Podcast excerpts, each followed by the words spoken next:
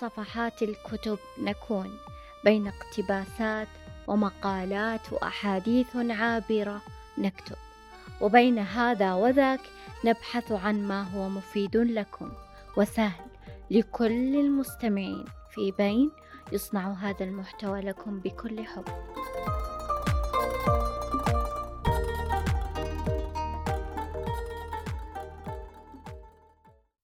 الحلقة الثالثة دور التأهيل في علاج السكتة الدماغية والعودة للحياة الطبيعية.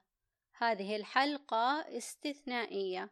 تم التعاون مع الجمعية السعودية للسكتة الدماغية.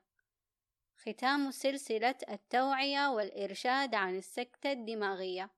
بعدما تعرفنا في حلقاتنا السابقة عن الوقاية والعلاج من السكتة الدماغية. اليوم نتعرف عن كيفية تأهيل المريض بعد السكتة الدماغية. ضيفنا لهذه الحلقة الأستاذ علي الصالح ممرض جلطات دماغية ومنسق برنامج الجلطات الدماغية في مدينة الملك فهد الطبية. طالب تمريض ماجستير باطني جراحي.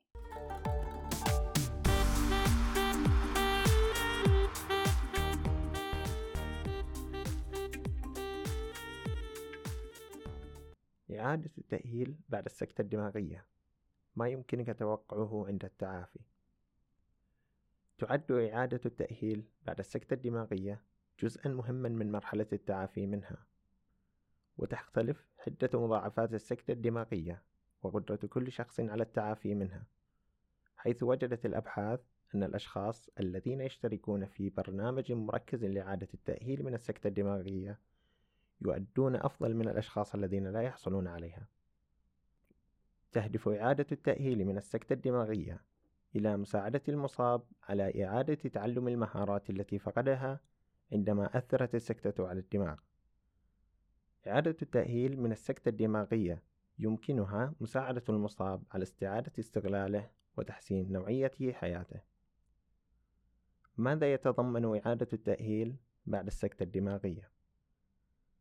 هناك العديد من الطرق لإعادة التأهيل بعد السكتة الدماغية وتعتمد خطة إعادة التأهيل للمصاب على الجزء من الجسم المتأثر بالسكتة الدماغية.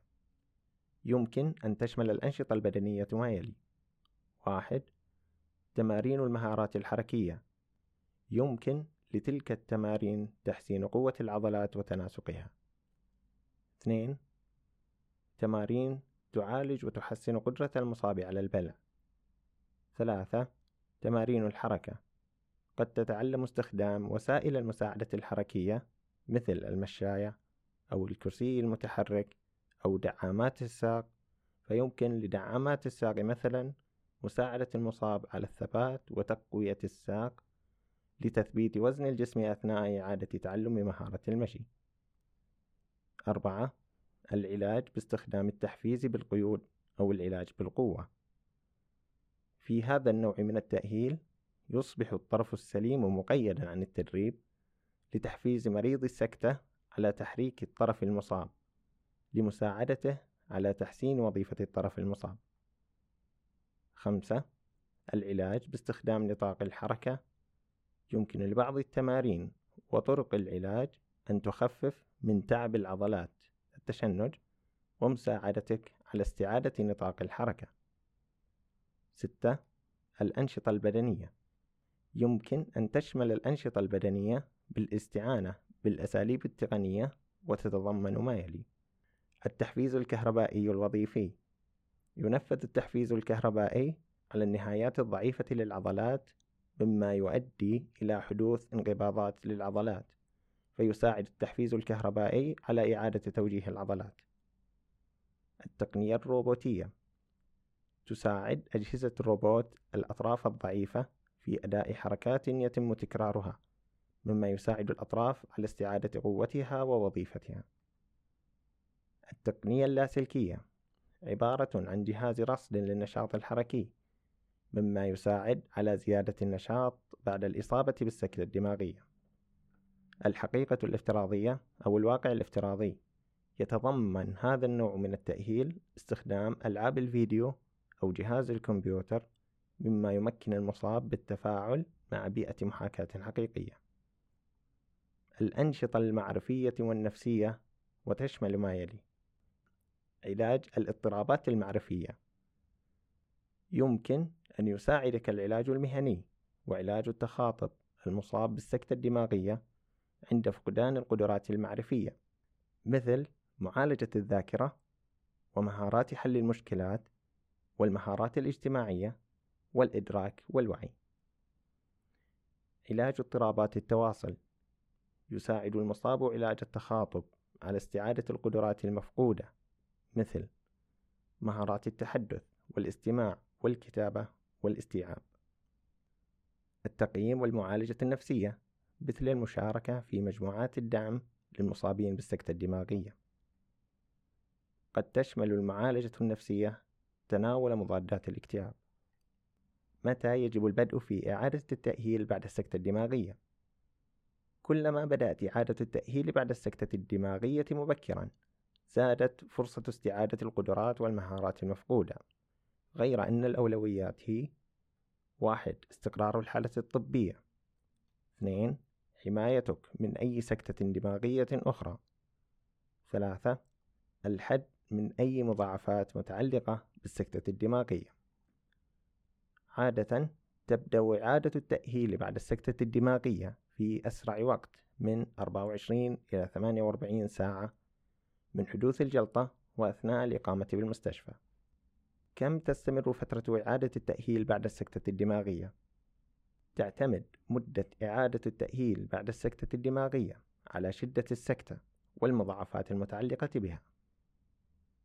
يتعافى بعض الناجين من السكتة الدماغية سريعًا، ولكن تحتاج الغالبية إلى شكل من أشكال إعادة التأهيل طويلة الأمد بعد السكتة الدماغية، التي ربما تستمر لشهور أو سنوات. أين تجرى إعادة التأهيل بعد السكتة الدماغية؟ على الأرجح سوف يتم بدء إعادة التأهيل بعد السكتة الدماغية أثناء وجود المريض بالمستشفى وتتضمن خيارات التأهيل ما يلي وحدات إعادة التأهيل داخل المستشفى. قد يبقى المريض بوحدة التأهيل لما يصل إلى أسبوعين أو ثلاثة أسابيع كجزء من برنامج إعادة التأهيل المكثف.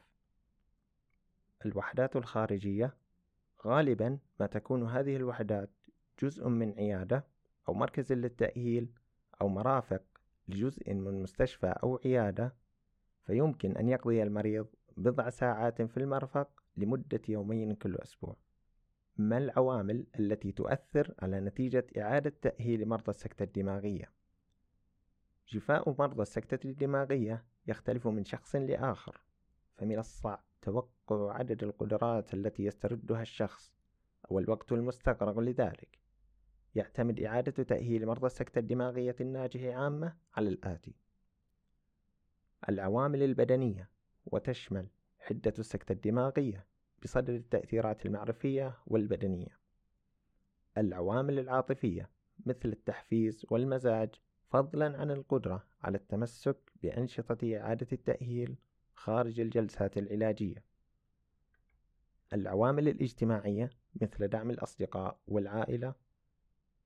العوامل العلاجية وتشمل بدء إعادة التأهيل باكرا ومهارة فريق إعادة التأهيل لمرضى السكتة الدماغية. ختاما إعادة التأهيل بعد السكتة الدماغية هي مرحلة مهمة من مراحل العلاج والعودة للحياة الطبيعية. قد يكون التعافي من السكتة الدماغية تجربة طويلة ومن الطبيعي أن يواجه المريض بعض الصعوبات ولكن التفاني والرغبة في العودة للحياة الطبيعية والتحسن سيساعد المريض على تحقيق أقصى استفادة من التأهيل.